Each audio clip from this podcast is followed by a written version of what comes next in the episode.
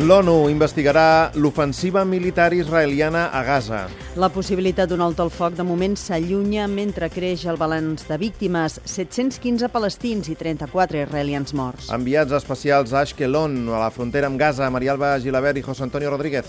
La Comissió de Drets Humans de les Nacions Unides ha acordat, amb l'únic vot en contra dels Estats Units, investigar per determinar si s'ha violat la llei humanitària internacional. El secretari general de l'ONU, Ban Ki-moon, mostrava la seva consternació per la mort de civils, especialment d'infants. En els últims dies, cada hora ha mort com a mínim un nen.